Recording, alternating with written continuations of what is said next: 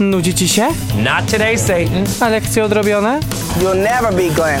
Nie pyskuj. You're perfect. Some You're beautiful. Twoja stara nadaje. Bum dzieciaczki. Back rolls. Bum dzieciaczki. Cześć, cześć. Witam Was znowu. Znowu niestety z lekką obsuwą, dlatego że w zeszłym tygodniu, w zeszłą niedzielę działo się Twój drag brzmi znajomo, druga edycja. Kolejna edycja naszego online'owego show 3 maja, więc bądźcie, bądźcie z nami o 21 3 maja. A dziś, dziś znowu zapraszam Was na Rukat, rozmowę o kolejnym odcinku RuPaul's Drag Race. Tym razem porozmawiam sobie ze szczególną królową, królową, która jest dla mnie e, bardzo ważna i, i ta jej obecność na drogowej scenie, no uważam, że jest bardzo ważna. Nie tylko z takiego mojego osobistego punktu widzenia, e, sympatyczności i tego, że po prostu lubię tę osobę, ale uważam, że takich drag performerów i drag performerek powinno być po prostu więcej. A w tym odcinku pogadamy sobie szczerze o wszystkim. Będzie o politycznym wkurwie, będzie o Saszy Velour i będzie też o tym, czy drag jest atakiem terrorystycznym i czy w ogóle tym atakiem może być. No to co? Dzwonimy do Loli Alion Potocki.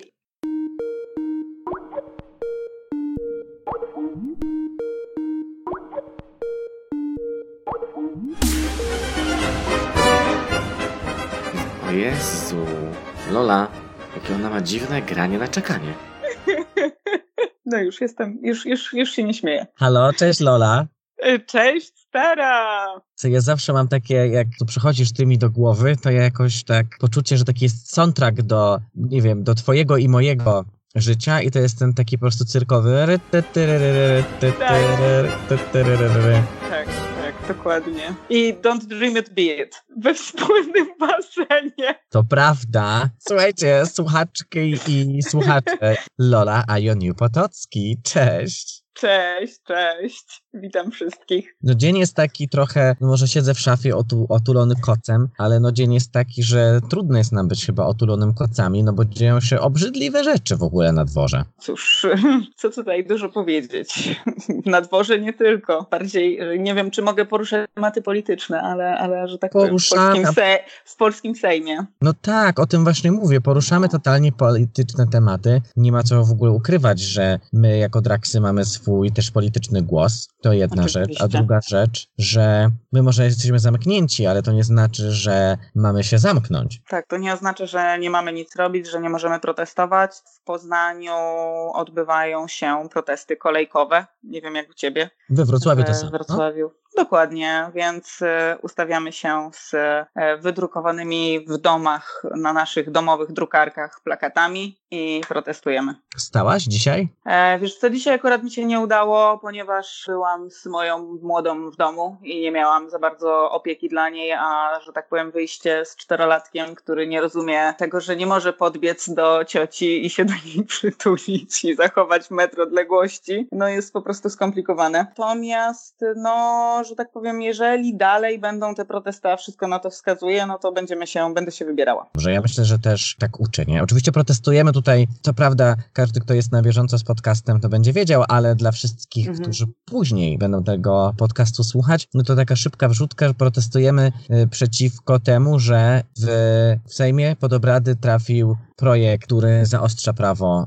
y, antyaborcyjne w Polsce, czyli znowu wzniecone piekło kobiet, no i tym jest to bardziej obrzydliwa sytuacja, że mamy kwarantannę, chodzić Mamy zakaz zgromadzeń i w tym momencie jakby nie mamy za bardzo, mamy bardzo ograniczoną możliwość protestowania przeciwko temu. Jakby nie jesteśmy w tej chwili w stanie zorganizować takiego czarnego protestu, jak były do tej pory organizowane, e, tylko jakby to wszystkie te przepisy trzeba jakoś obejść. A historia pokazuje nam to, że te protesty, właśnie czarne protesty, naprawdę zbierały setki tysięcy Tak. uczestników i uczestniczek i one miały siłę oddziaływania. Tak, zgadzam się z tym, także tym bardziej jakby wydaje mi się podejrzane to, że nagle w tym okresie, kiedy nie możemy zorganizować tego zgromadzenia, taki projekt trafia ponownie do Sejmu pod rozpatrzenie. No, kiedyś, Jakby nie, nie wierzę w to, że to jest przypadek, że tak akurat musiało być. No i poza tym myślę, że też nie bez znaczenia są zbliżające się wybory prezydenckie i to, że, że tak powiem, partia rządząca szuka poparcia,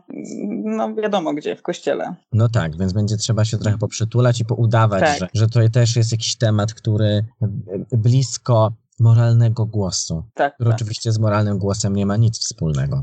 Tak, przerażający jest również projekt, też obywatelski projekt inicjatywy rzekomo Stop Pedofilii, który tak naprawdę doprowadza do całkowitego zakazu edukacji seksualnej. Grozi, grozić będą bodajże 3 lata więzienia za podjęcie próby edukowania osób poniżej 18 roku życia, co jest w ogóle totalnym absurdem, bo przecież w Polsce od 16 roku życia no jakby jest dozwolony kontakt seksualny, więc właściwie dlaczego edukacja ma być zakazana do 18 roku życia? Kuriozum też polega na tym, że podstawy programowe po prostu Mhm. mają wpisane z biologii czy z przyrody, mają wpisane informacje o układzie rozrodczym, o tym Tak. skąd bierze się e, życie człowieka i nie tylko. Jak w takim razie nauczyciel ma realizować e, podstawę programową o życiu seksualnym Homo sapiens? Tak, tak. Jeżeli to, że tak powiem, rzekomo jest seksualizowanie i nie wiem, z tego co czytałam, to po prostu obawiają się, że ta seksualizacja doprowadzi do e, uzależnienia od pornografii i e, rozpadu rodziny. No oczywiście te debaty w Sejmie, które trwały dzisiaj, Tak. dzisiaj czyli 15 kwietnia, mm, Tak. no one też były na tyle obrzydliwe, że rzeczywiście tylko pokazały to, Tak. o czym wszyscy wiedzieli, że stop pedofilii to jest jakaś przykrywka. W Tak, rzeczywistości tak. chodzi o coś zupełnie innego. O pedofilii tam Tak. nie było mowy, tylko było po prostu o obrzydliwym szkalowaniu ludzi. Zgadzam się. Także nic, nic jak, no jakby nie da się, że tak powiem, chronić przed pedofilią bez uczenia dzieci o tym, czym właściwie jest ta seksualność, czym są potrzeby, czym jest ciało. Jak takiemu dziecku w tym momencie wytłumaczyć, czym jest pedofilia, czym jest, nie wiem, ten, że tak powiem, hasło zły dotyk, tak? Bez jakby u, u, udając, że to nie istnieje, tak naprawdę otwieramy drzwi dla pedofilii. No, Bo w tym momencie rzucamy tego dzieciaka totalnie na głęboką wodę. On nie wie, co się dzieje. On nie wie, czy to jest dobre, czy to jest złe, bo on nic o tym nie wie. Tak, a wiadomo, A że ufa narracja... dorosłej osobie opowieść o tym, że dzieci będą wiedziały, że to jest osoba dobra, czy to jest osoba zła, jest jakby mitem. Jakby dzieci są wychowywane w Polsce, nie wypowiadam się o innych krajach, ale jakby w tak, takim układzie hierarchicznym, że ten dorosły jest ponad nimi, że one mają go słuchać. A I one plus, się do tego dostosowują.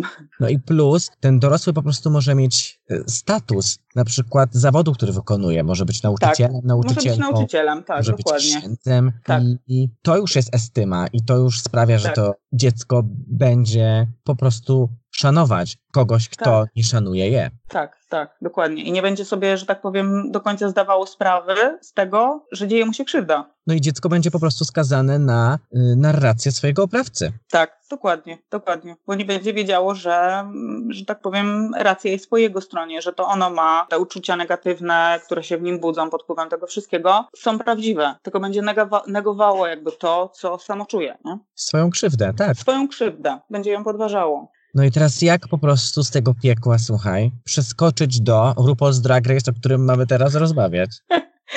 Wiesz co, y, myślę, że w ogóle w tym odcinku najbardziej kocham tekst I can't have a baby, I'm a drag queen. To myślę, że to jest doskonały pomost. Tak. Także myślę, że, że tak powiem, to, to jest taki dobry moment, żeby przeskoczyć do Lady Bunny Memorial Hospital. To jest Tam miejsce- się odbywa, tam się akurat w odcinku odbywa poród, ale myślę, że odbywają się tam również aborcje. No, zdecydowanie. tak. Żeby szybko wprowadzić, e, o czym tutaj mówimy, będziemy dzisiaj razem z Lolą rozmawiać i rozbierać na czynniki e, pierwsze. Myślę, że tutaj z chirurgiczną precyzją. Na, na czynniki pierwsze będziemy rozkładać piąty odcinek RuPaul's Drag Race, czyli Gay Anatomy. Nawiązanie do słynnego serialu, ale nie tylko serialu, bo przecież to jest też podręcznik, czyli Grey's Anatomy. Y, Serialu medycznego, który święcił triumfy w telewizji swego czasu. Chirurdzy. Ja nawet nie wiem, czy to, Chirurdzy. oni to dalej kręcą? E, wiesz co, nie mam pojęcia, ale pamiętam jak zaczęłam pracę u siebie na oddziale na chirurgii i właśnie jedna z moich koleżanek na dyżurach oglądała chirurgów. Kocham ten po prostu insight. Chirurdzy oglądający chirurgów. Tak, chirurdzy oglądających chirurgów. Ja niestety nie mogę oglądać seriali medycznych, ponieważ patrzę na nie i zwracam uwagę, jakie zostały popełnione merytoryczne błędy. No to słuchaj, aż nie chcę po prostu pytać, Na jak przykład- na wygląda przykład ten- medycyna na przykład- w tym odcinku Drag Race. Tak. No, jeśli chodzi o, e, że tak powiem, RuPaul Drag Race i Lady Bunny Memorial Hospital, już to dzieją się tam ciekawe rzeczy. Najbardziej chyba mi się, że tak powiem, zadziwiła mnie Heidi i Krystal przebite widelcem Przez żołądki w ogóle. przez żołądki. I kręgosłupy. Tak, patrzyłam na to i zastanawiałam się, co tu się w ogóle dzieje. No jakby no z medycznego punktu widzenia nie jesteśmy w stanie oczywiście tego w żaden sposób obronić. Nie, no nie, tego nie. Zresztą wielu nie jesteśmy w stanie rzeczy obronić tam z medycznego punktu widzenia, no ale jest to świat, świat drag queen, świat RuPaul, drag race, tu wszystko jest możliwe. No i przede wszystkim wszystko jest e, sztuczne, tak jak to, że jesteśmy sztucznymi kobietami. O, Tak, przepraszam. Tak, sztucznymi.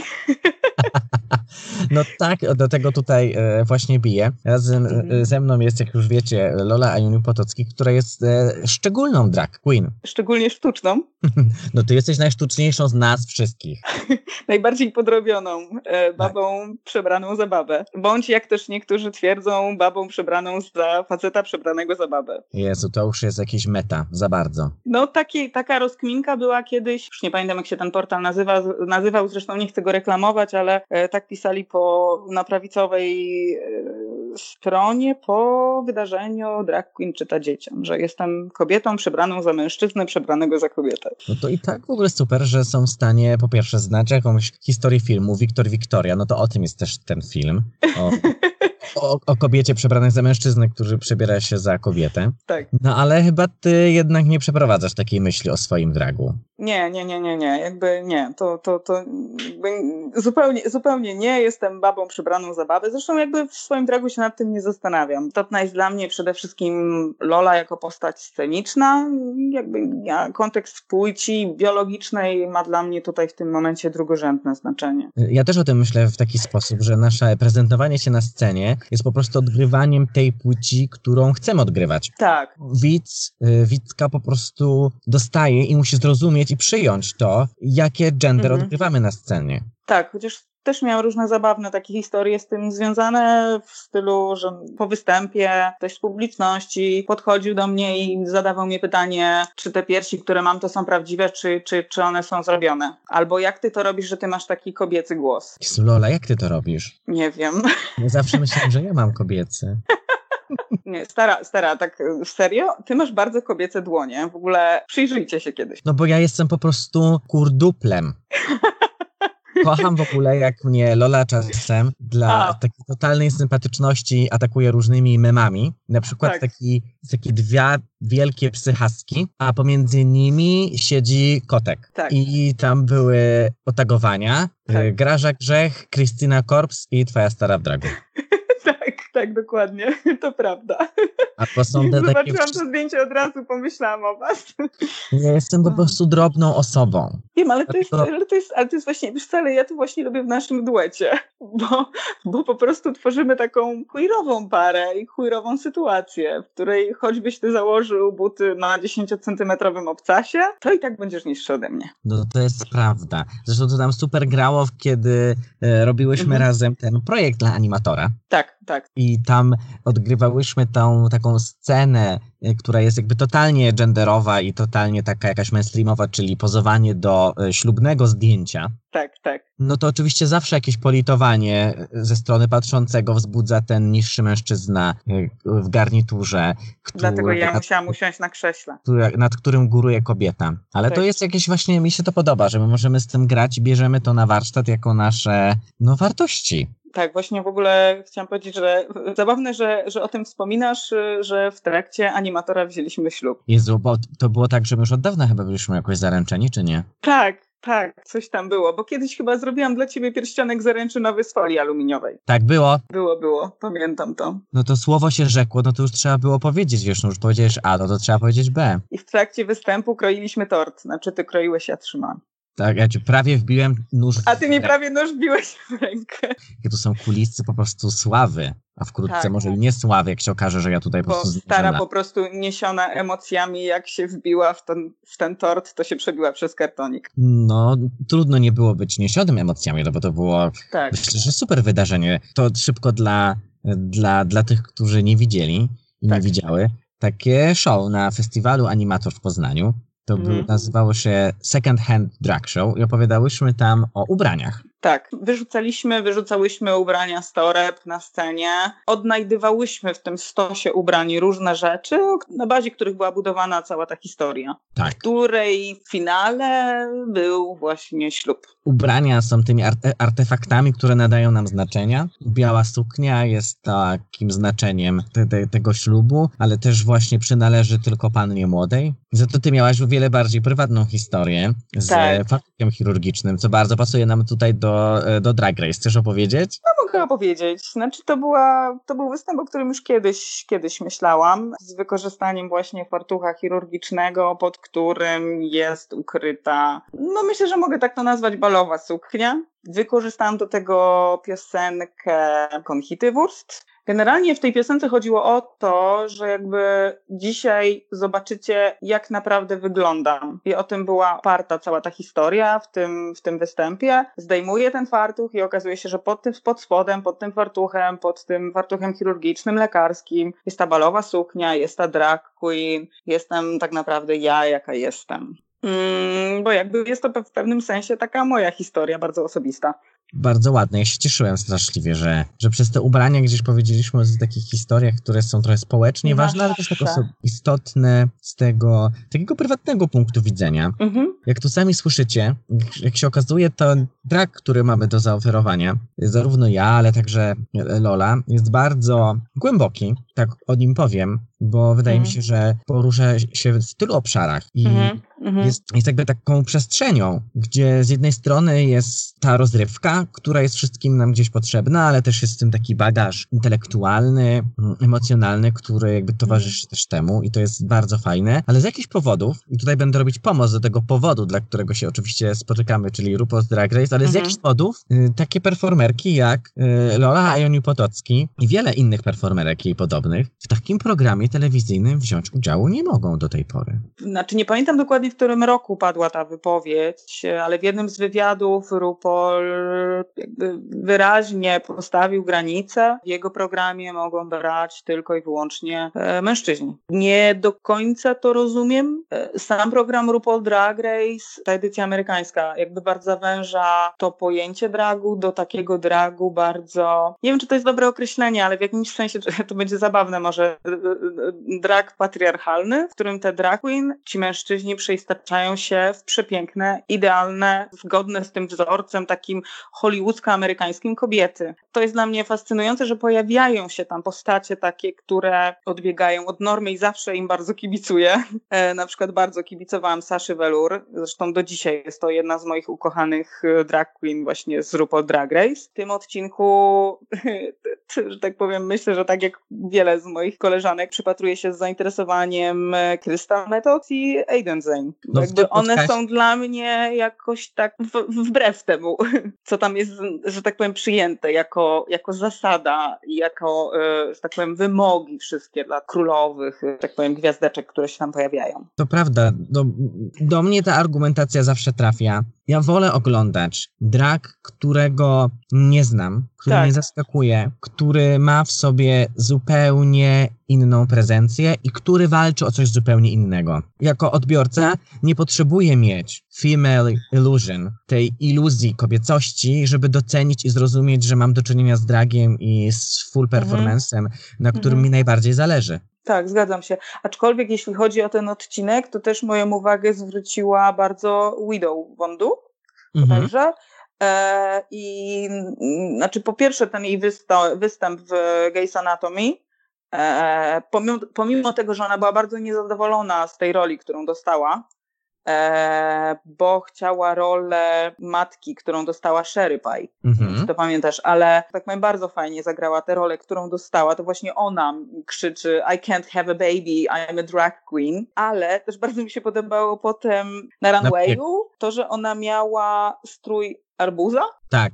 To, to, to jakoś takie mi się wydało właśnie zabawne, absurdalne i, że tak powiem, przykuło to moją uwagę. Ale też jest to absolutna gra, z, praca ze stereotypem. Jeżeli dla osób czarnych arbuz jest jednym z tych stereotypów, Tak, no to ona go bierze i ona Tak. go przerabia jako duża czarna królowa, absolutnie Tak. bierze to i, tak. i buduje na tym swoją siłę. Też, też nie wiem, czy pamiętasz, ale ona w tym stroju arbuza y, nie, nie miała góry jakby tego kostiumu, tylko miała pasties na swoim ciele po prostu przyklejone. I to też było zajebiste, uważam. Bo to też są takie rzeczy, że to też jest jakby wbrew. Że, Tak, że nawet jeżeli widzimy te wszystkie big girls, te Tak. większe drag queens, to one są zawsze też w takim zgorsetowanym, takim Tak. dragu, który myślę, że Pozakłaniane są często mocno, jakby modelują bardzo mocno tą sylwetkę, nie korzystając z tego, co mają. to było wy- wyjątkiem chyba był ten dziesiąty sezon, gdzie Eureka Mhm. jako baby się pokazała, Tak. rzeczywiście odsłaniając całkowicie swoje ciało. No, ale także, także, także mówię, wi- jeśli chodzi o Widow, to, to w tym odcinku faktycznie zwróciła moją uwagę. To też jest tak, że w tym, w tym odcinku w ogóle Widow była taką bohaterką. No raz, że nie dostała tej swojej roli. To też Tak. jeszcze tam była taka rozmowa o matkach. Tak, tak, która opowiada o tej y, mamie, którą straciła w młodym wieku. Tak, miała 17 lat, kiedy Tak. jej mama zginęła w wypadku samochodowym. Też tam była taka sytuacja, że rozmawiały o, o mamach. E, I też Jackie Cox opowiada o, o no, braku akceptacji ze strony swojej mamy. To też jest, było bardzo takie zmyślne. Ja bardzo rzadko lubię Mhm. te wymuszone konfesjonały, takie prywaty, ale tu myślę, że to grało, Mhm. zwłaszcza, że w tym serialu, które dziewczyny... Tak, bo od tego w ogóle chyba się ten cały temat zaczyna na tym, w trakcie tego ich przygotowania, w trakcie tego makijażu, od tego się to wszystko chyba zaczyna, od tego tematu matki, od rozmowy właśnie z Sherry Pie, o ma matce i tak jakby to dalej zostaje poprowadzone właśnie przez Jackie i przez Widow. W tym programie rzadko odczuwam takie wzruszenie, raczej częściej dystans, a tu Mhm. myślę, że we mnie na przykład rezonowa, rezonują te hi- mat, matczyne historie. Mhm. No myślę, że jeśli chodzi o Jackie Cox i tą jej opowieść, no to jest taka bardzo przykro mi to mówić, ale wydaje mi się, że jest to dosyć uniwersalna opowieść, jeśli chodzi o, o, o środowisko drag queens, o środowisko queerowe, o środowisko LGBT. Myślę, że, że wiele osób to dotyka. No oczywiście, to jest jedno z tych podstawowych doświadczeń. Niestety, smutne, że to jest Tak. Niestety. podstawowe doświadczenie. Ja mogę też to opowiedzieć z mojej perspektywy, trochę się tu odsłaniając, no że nie, nie mówię o tym często, ale to, że nazywam się twoja stara i jestem matką, której nigdy nie mieliście, no bo to też jest trochę opowieść o matce, której nigdy nie miałem. Teraz jeszcze mi się przysz, przyszło mi na myśl, przypomniało mi się jakby, że też Jackie Cox wspomina o tym, jakby jej chyba mama, o ile dobrze pamiętam, marzyła o tym, żeby została lekarzem. I że jakby na moment w trakcie tego serialu ona spełnia jakby to marzenie poniekąd, jakby obchodzi to, że na kilka chwil się staje tym lekarzem, ale że jakby ona nigdy tego nie chciała, nigdy tego, jak- jakby jej rodzice tego nie rozumieli, że ona tego nie chce. Też mi się wydaje ciekawe, nie? W sensie, że Że dziecko tak, je, momencie... tak jej się ten los plus, że jednak w którymś momencie odgrywa tę rolę tego lekarza i w tym momencie to wyzwala w niej te wszystkie emocje, bo mam wrażenie, że to, to Gays Anatomy wyzwala w niej te wspomnienia i te myśli, bo ona chyba już wcześniej, mm, jak te role dostają, to chyba w tym momencie już o tym opowiada, że ona chyba sama mówi o tym paradoksie. Skaczemy po, po Tak. tematach, ale no to jest mój podcast, więc to jest wiadomo, że będziemy mieli tutaj do czynienia z jakimś kontrolowanym chaosem bądź nie. Dla szybkiego wprowadzenia w tym odcinku głównym zadaniem było wcielenie się w postać personelu albo postać e, pacjentów właśnie w szpitalu. Ten odcinek to był właśnie taki nie, nie tyle co pilot, ale jeden już, któryś tam kolejny odcinek serialu Gays Anatomy. Zresztą też jeszcze mi się tak teraz e, nasunęło, że bardzo, bardzo mi, się, mi się podobała to rola ducha Aiden, która notabene też nie była zbyt zadowolona, że tę rolę dostała. Tam też była taka właśnie dynamika, że po raz kolejny sparowane są ze sobą dwie dziewczyny, Tak, między którymi Brita. ewidentnie iskrzy. I to nie jest dobra chemia, bo tam się nie spina w ogóle im nic. Ale, ale wybraniają się w tym wszystkim. Moim zdaniem jednak wybrania się bardziej Aiden. Aiden, tak, bardziej Aiden się wybrania, ale no Brita też nie wypada najgorzej. No ja chyba jej po prostu, wiesz co, muszę to Nie przyznać. przypadasz za Britą. Ja za, chyba za nią nie przepadam. Mhm. Ktoś to, że tak powiem, chyba któraś z królowych to mówi, czy mówi też ktoś z jury, że ona ma taką fajną, pozytywną energię. W sensie jest taką radosną, wesołą osobą. Znaczy dla mnie nie zaprezentowała w tej chwili nic takiego wyjątkowego i bardzo ciekawe, ciekawego. Nie przykuła mojej uwagi. Jakby jest dobrą królową, ale jakby dla mnie póki co nie zaskoczyła mnie. Tak, ja też nie chcę jej oceniać w ogóle tutaj w kontekście jej dragu, no bo jej drag jest taki, Poprawny. myślę, że absolutnie raz, że poprawny, ale też po prostu, wiesz, nawet nie chodzi o to, czy poprawny, czy niepoprawny. Mhm. Moim zdaniem on jest, jest bardzo do polubienia i że on na pewno Mhm. ma swoją publiczność i Mhm. myślę, że jej energia wcale jakby nie jest udawana, Mhm. tylko właśnie ja, który czekam na jakieś zaskoczenia od kogoś, kto mówi o sobie, że tam wygrywa konkursy performerskie i tak dalej, no to bardzo chciałbym jakby być oszołomiony mi, tymi występami, a jest tak, że no jest tak średnio. Zresztą w tym Średnio. odcinku Brita trafia do e, Tak. bottom two Bottom tu. Mhm. i też znowu ma lip sync for her life. Dobrze mówię? Tak. Nie, Heidi and Closet trafiła. Heidi i Nikki, to przepraszam. Zresztą, że tak powiem, jak już przeskoczyłyśmy do tego, to mam wrażenie, że w tym Lip Sync for Your Life Niki jakby się poddała. Tak, ale to, to jest Bo mam ta... wrażenie, że Heidi walczyła po prostu do końca, nawet jak jej ta peruka spadła w którymś momencie. Założyła ją z powrotem i jedziemy dalej. Mhm. Myślę, że to jest w ogóle bardzo trudne być wtedy tam, w tamtym momencie. No to na pewno. Presja, która Mhm. jest związana w ogóle z tym jakby przetrwaniem, te, jakby jeszcze z tą izolacją. My teraz w ogóle jesteśmy daleko od siebie Mhm. i jesteśmy odizolowani. Mam takie wrażenie, że po prostu to jest taki moment, że naprawdę takie jakieś, ta nasza samotność, o ile nie jesteśmy gdzieś dobrze ze sobą e, przytuleni, w sensie my ze, sami ze Mhm. sobą, to jakby te demony bardzo łatwo wychodzą. I to mógłby być jeden z tych momentów, kiedy po prostu ten głos wewnętrzny jakby mówi, no, masz więcej do No. udowodnienia. Bardzo często No. też widać na scenach, kiedy obserwujemy nasze koleżanki, że to nie jest ich dzień, Tak. ale widać, że bardzo często po prostu zjada je coś większego. Jeśli chodzi o Rupola, to też miałam taką refleksję już w poprzednich sezonach, że są takie odcinki, że widać, że po prostu dana osoba się z czymś boryka. Czy te właśnie demony, te głosy wewnętrzne, które mówią jej, że jest niedostatecznie dobra, jakby blokują ją na tyle, że odpada. Że to jest często właśnie już, nawet one są już na tym poziomie, że w gruncie rzeczy każda z nich byłaby w stanie wygrać. Tylko w tym momencie już decydujące staje się to, jak one sobie radzą po prostu psychicznie. Tak, tak, tak. A ta presja bardzo często pochodzi jednak z, z Z wewnątrz. wewnątrz, tak, I- tak. To są, to, są ich, to są ich jakieś tam demony, ich, ich problemy, które się odzywają i, i które po prostu w momencie, kiedy dochodzą do głosu, w momencie, kiedy jest stres, no to ciężko jest być kreatywnym. Ciężko jest sobie poradzić na scenie. Plus, o ile te głosy są wewnętrzne, no to z Mhm. zewnątrz też jest się wystawionym na nieustanną krytykę. Nie tylko podczas wybiegu, kiedy oceniana jest twoja praca. E, To środowisko w tym programie też jest tak tworzone na zasadzie Mhm. takiego konfliktu, że te dziewczyny też są na siebie trochę napuszczane, że te wybory, to jak one są parowane, ten moment, kiedy one mają ten antakt, czyli te momenty zakulisowe, gdzie one tam po prostu sobie niejednokrotnie no, no skaczą do gardeł. Tak. Tam są, odbywają się te właśnie bardzo epickie tyrady i bardzo jakieś epickie kłótnie, które są tak, tymi dramami, na które niby wszyscy czekamy, ale bardzo często one też mają w sobie coś takiego tak ludzko smutnego mam wrażenie, że, że właśnie w tym momencie tego e- ekstremalnego stresu Tak, bo one są właśnie w tym momencie tego największego stresu. One czekają na te informacje, która odpadnie. W tym momencie dowiedziały się od jury, że to nad czym pracowały, one chyba przez tydzień pracują nad tym, o ile się nie mylę. To nie, bo to by wymagało, bo jest 12 odcinków, program musiałby być kręcony w 12 tygodni, czyli w 3 Nie. miesiące. To jest niemożliwe. One najprawdopodobniej kręcą, mogę No. strzelać, to jest do sprawdzenia, ale moim zdaniem one kręcą po dwa odcinki dziennie. Myślisz?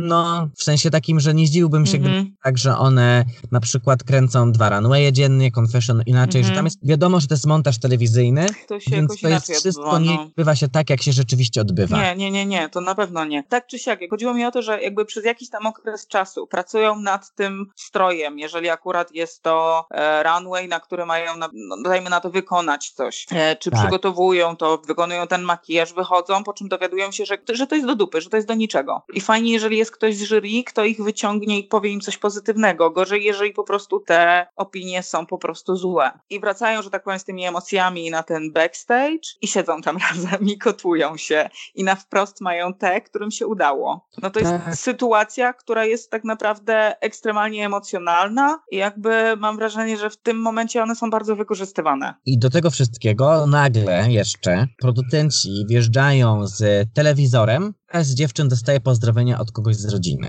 Tak, tak. No, to już jest w ogóle emocjonalna taka eksploatacja. Dokładnie, dokładnie tak. E, Plus y, na to wszystko jeszcze wjeżdża alkohol, które dostają też. Nie wiem, czy w tych odcinkach teraz Antakt jest, ale kiedyś tak było. No, ale jakby, ale jakby też, znaczy nie chcę tutaj, broń Boże, demonizować alkoholu, czy, czy tutaj jakby przypisywać jak, jakichś problemów, ale no jakby na, też jakby chcę pokazać, że ta sytuacja, nie wiem, czy znalazłaby się osoba, która by przy małym bodźcu nie, nie, nie, nie wdała się w konflikt. Ojejku, po prostu tutaj wypikamy nazwę klubu, ale no pamiętasz czasem jak potrafiło być gorąco na backstage'u w Punto. No tak, pamiętam. No, bo pracujemy na, na żywych emocjach, które nie dotyczą tylko naszego bycia na scenie. To nasze bycie na scenie składa się cały dzień naszych emocji. Tak, tak. Nasz tak. każdy najgenialniejszy pomysł może być po prostu ściągnięty na dół, dlatego że mamy zupełnie inny dzień niż nam się wydaje. Mhm, mhm. Zgadzam się, zgadzam się. Niestety to jest kwestia bardzo wielu czynników I, i, i często nam się wydaje, często ja też tak mam na przykład osobiście, że ach, już tam któryś raz z rzędu robię dany numer i właśnie okazuje się, że niby już go przećwiczyłam, niby już go robiłam, niby wszystko wiem, a, a po prostu nie wychodzi. Bo, bo właśnie gdzieś indziej miałam jednak te myśli swoje, coś tam się innego wydarzyło. Wracamy tutaj do po prostu królowej, która no, pożegnała się z programem, jak już powiedziałaś, czyli Nikki Doll, no, która sobie no, nie poradziła z tym właśnie mindsetem. Wydaje mi się, że też, znaczy nie wiem, jakby nie, nie zgłębiałam aż tak bardzo, ale ona często tam jakby wspomina, że ma problem z e, gagami w języku angielskim, że Mhm. bardziej radzi sobie z tym w języku francuskim, że czuje taką barierę językową. Tak, ona zresztą w tym odcinku mówi też coś takiego, ta presja, którą ona odczuwa, też jest związana z Mhm. tym, że ona jest francuską, y, Tak. a on sobie tutaj nie radzi właśnie z komedią, nie radzi Tak. sobie z językiem angielskim, a jest mnóstwo dziewczyn z Ameryki, które chciały być na jej miejscu. Tak, tak. Ale finał jest zawsze taki, że no tak jak ja o tym myślę, to nie Mhm. jest tak, czy ktoś jest w ogóle godny bycia gdziekolwiek. Jeżeli tam jesteś, no to znaczy, że jesteś godny w ogóle zrobienia z tym twoim byciem tam wszystko, co umiesz i na tamten moment potrafisz. A reszta to jest magia telewizji i to też jakby przenosi się na scenę. To nie jest tak, czy ktoś może występować, czy nie może występować. Jeżeli już tam jest, to dobrze, żeby wiedział, dlaczego tam jest na tej scenie. Mhm, mhm. Y, ale to nigdy nie jest temat, o Boże, dlaczego ten, a nie tamten. Jakby RuPaul podkreśla to, że to jest konkurs, że konkurują te mm, dziewczyny ze sobą, ale jakby z drugiej strony jakby pokazuje też to, że każda z tych królowych jest dla niego ważna. No tak, on ma taką narrację. On ma taką narrację jakby. No oczywiście, no plus wiadomo, program będzie miał taką narrację, że one wszystkie są w rodzinie, a Tak. prawda jest niestety smutna. RuPaul niejednokrotnie nawet nie wie, jak one mają na imię, kiedy Tak. skończy program, co też jakby udowadniają jakieś materiały. No ale magia Mhm. telewizji działa w ten sposób, że spotykamy się tutaj dzisiaj i rozmawiamy o tym. I nie ma co w ogóle ukrywać, że ta magia też powołała do życia mnóstwo drag queens, Zdecydowanie tak, zgadzam się z tym. to też myślę, że drag kingów, którzy zmęczeni tą dominacją Ja też często podaję jakby, jeśli chodzi o mnie i jeśli chodzi o moją historię, o to, co mnie popchnęło, bo często ludzie o to pytają. E, No jasne, gdzieś tam były te ileś tam lat temu wcześniej pierwsze materiały, które widziałam na temat brytyjskich bioqueens, no ale tak na dobrą sprawę ten RuPaul, tak? Ten dziewiąty sezon i ta Sasha Velour, to jest ta moja narracja, która mnie popchnęła. To jest bardzo ciekawe, bo też jest to blisko mojego dragowania, bo ten sezon, który się pojawił wtedy, czyli dziewiąty, no, w 2017 roku, no to też rok, w którym ja zaczynam dragować. Mhm. Więc ten dziewiąty sezon Mhm. miał na mnie taki wpływ, o ile moja decyzja o tym, żeby być na przykład łysą królową, no Tak. odbyła się gdzieś trochę wcześniej. Mhm. Tak ta koincydencja w czasie, że ja Mhm. oglądam nagle w RuPaul's Drag Race tak fenomenalną łysą królową, no to, to tylko wzmacnia. No tak, dlatego nie przypadam za tymi pierwszymi sezonami RuPaul Drag Race, bo gdyby w drugim, trzecim sezonie pojawiła się Łysa Królowa, to myślę, że by, że tak powiem, nie wiem, czy byłaby odesłana do domu, ale na pewno by dostała reprymendę.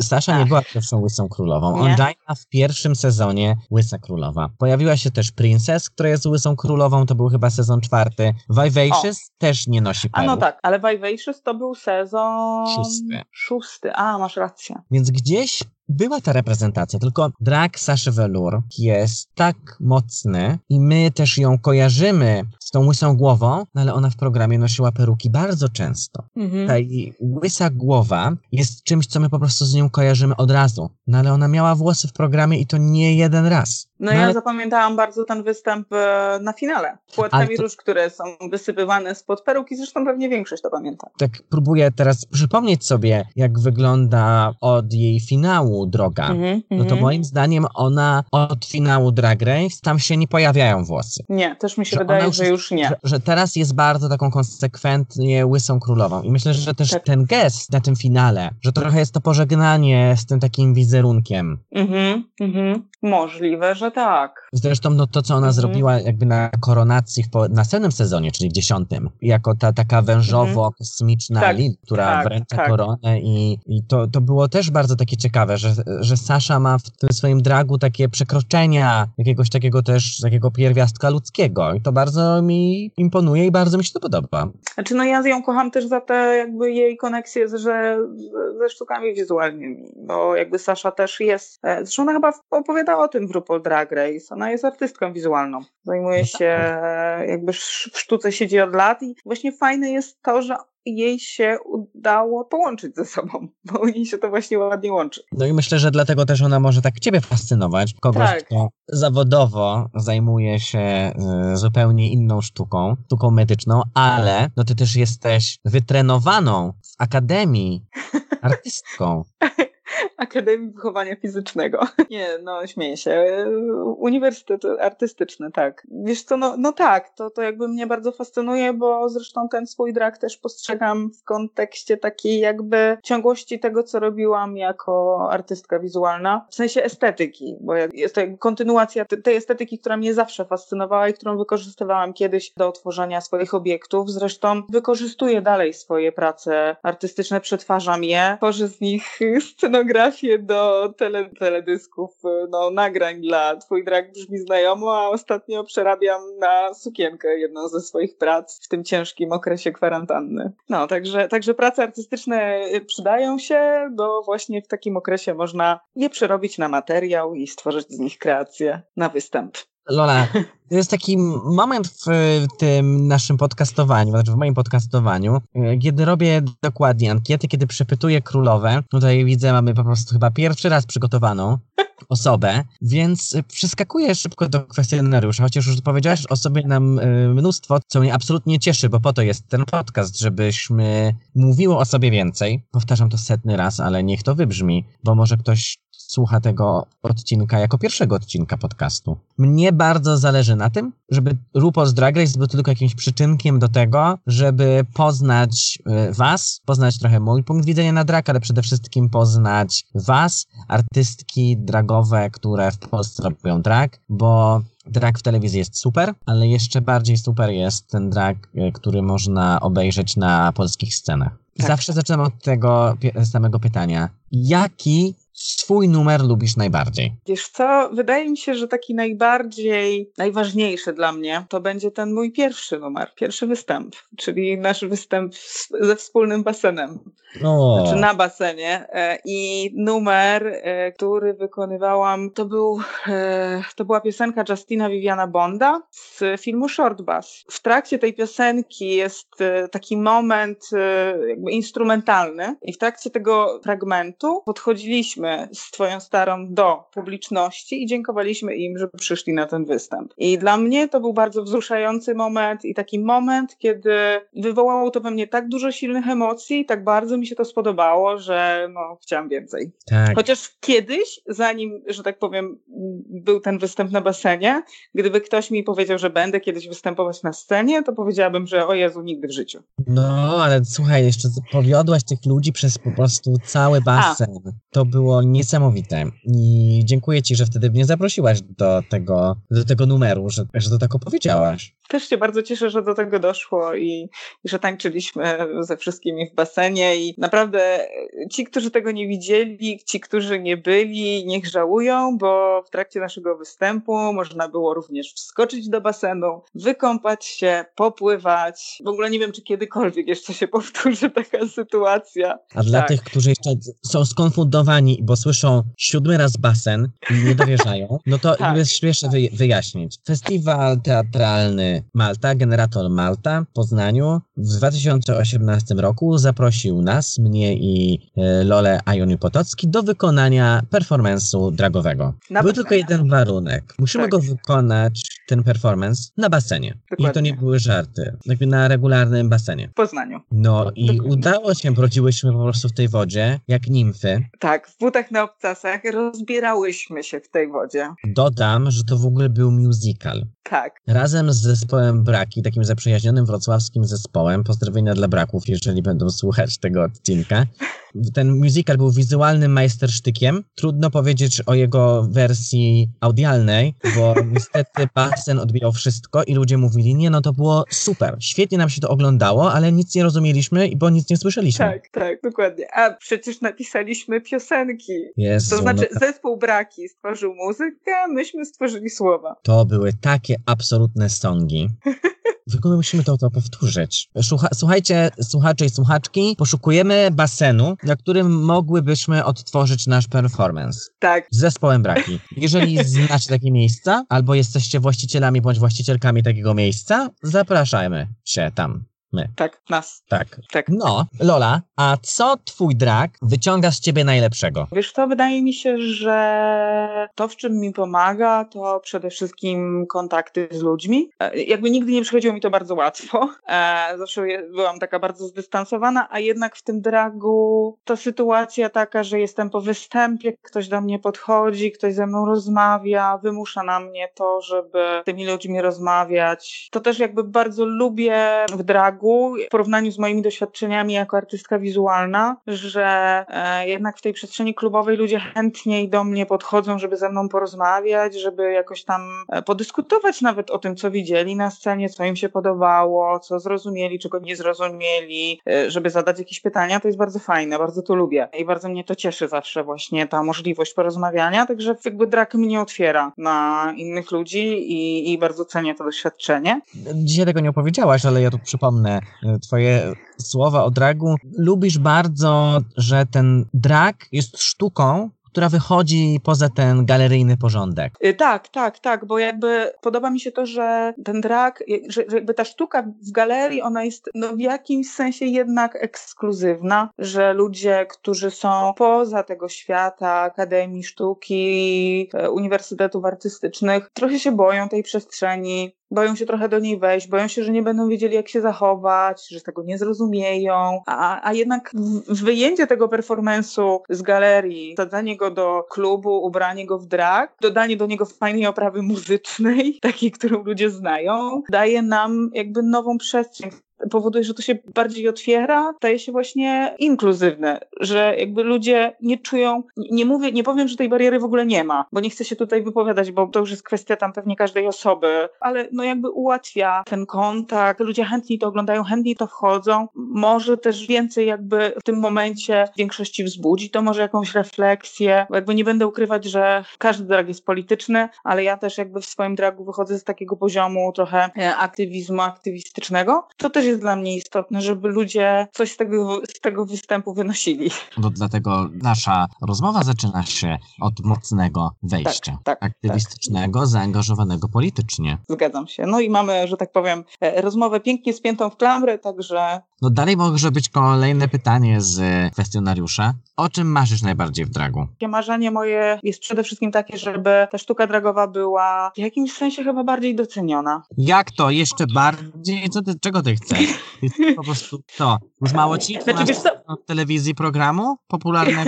Nie, wiesz co, jakby chodzi mi bardziej może o to, że chciałabym móc wyjść na ulicę w dragu i czuć się bezpiecznie. Bardziej może o to mi chodzi, o takie, może, może faktycznie docenienie to z, złe słowo, ale zrozumienie, zaakceptowanie, że to jest i że my sobie to robimy, nie robimy tym nikomu krzywdy, więc nam też nie róbcie krzywdy. A ja oczywiście jestem mameją po prostu największą. Z rozpędu już wskakuję do pytań, które myślę sobie, ła, już tutaj po prostu kwestionariusz i tak dalej. I ja mówię o wymazywaniu kobiet z Drag Race i sam po prostu tutaj po prostu wymazuję. Muszę się cofnąć. O nie. Pierwsze, py- pierwsze pytanie brzmi, chodzisz do RuPaul's Drag Race, jaki jest twój look na wejście? O Boże, wiesz co, myślę, że może być tylko jeden. Czyli e, Lola Antact, cycki na wierzchu. Jezu, cudownie. Czyli po Myślę, prostu że tak. Breast first. Pamiętam jak był, kurczę, to chyba był bal we Wrocławiu w 2018 roku po Paradzie Równości, po marszu. I chyba wtedy właśnie pierwszy raz w trakcie występu pokazywałam biust. I pamiętam, że po tym występie ty podbiegasz do mnie i właśnie o tym mówisz, że to był taki wspaniały atak terrorystyczny. Jeżeli możemy coś robić w dragu, żeby uczyć innych, absolutnie pokazując im coś, czego oni nie znają. I moim zdaniem oswajanie tego na scenie pozwoli oswajać w życiu. Ale jeżeli jest jakiś cień tutaj wątpliwości, a niestety tych cieni jest pewnie więcej, niejednokrotnie, także geje są mizoginistyczni, to ja zawsze cieszę się, że jesteś z nami i że dzięki twojej sztuce można tych uprzedzonych chłopaków po prostu czegoś nauczyć. Utemperować. Tak, i że zrozumieją to, kim jest kobieta, dadzą jej szacunek, bo jak się okazuje, z góry nie płynie żaden szacunek względem kobiet, czego udowadnia nam ten dzień na przykład. Tak. Jezu, i tu jaką mamy Niestety. ładną klamrę. Tak, na koniec jeszcze powinno być tylko takie hasło z e, manify geje z kobietami. Tak, Tak. Geje z kobietami, pedały z babami, po prostu. Tak. Y, Słuchajcie, no właśnie wysłuchaliście mojej rozmowy z Lolą Ioni Potocki. Lolu, bardzo Ci dziękuję za to, że byłaś ze mną w tej mojej szafie. I co? Pozdrowienia dla... Wspaniała ta twoja szafa, ale wychodź z niej szybko. No już wychodzę, bo przecież jestem tutaj opocony jak mysz. Bardzo Ci dziękuję. Pa, pa! Dziękuję, pa, pa, dziękuję, pa, pa, pa. No, i to była Lola Aniuniu Potocki. Śledźcie ją na jej mediach społecznościowych, szczególnie na Instagramie. Tam dużo pięknych zdjęć, olśniewających makijaży. A teraz w tygodniu widoczności lesbijek Lola e, przedstawia bardzo fajny lesbijski content i no, myślę, że warto się jest tym zainteresować. A ja zachęcam Was do tego, żebyście w przyszłym tygodniu zostali z nami na Twój Drag Brzmi Znajomo, czyli naszym online'owym drag show. 3 maja, 21, niedziela. Spotkamy się. Temat YouTube Party, czyli będziemy oglądać numery inspirowane śmietniskiem YouTube'a. Wystąpią dla Was Wrona, Shady Lady, Lola Ioniu Potocki, Christina Korps, a także Adelon, Drag King Sir Johnny Dark, Ala Urwał i Joachim. Myślę, że będzie to wspaniały wieczór. Oczywiście, a wszystko poprowadzę ja, wasza matka założycielka, która oczywiście nadaje za dużo. Kończę ten dzisiejszy odcinek i do usłyszenia w następnych. Pa!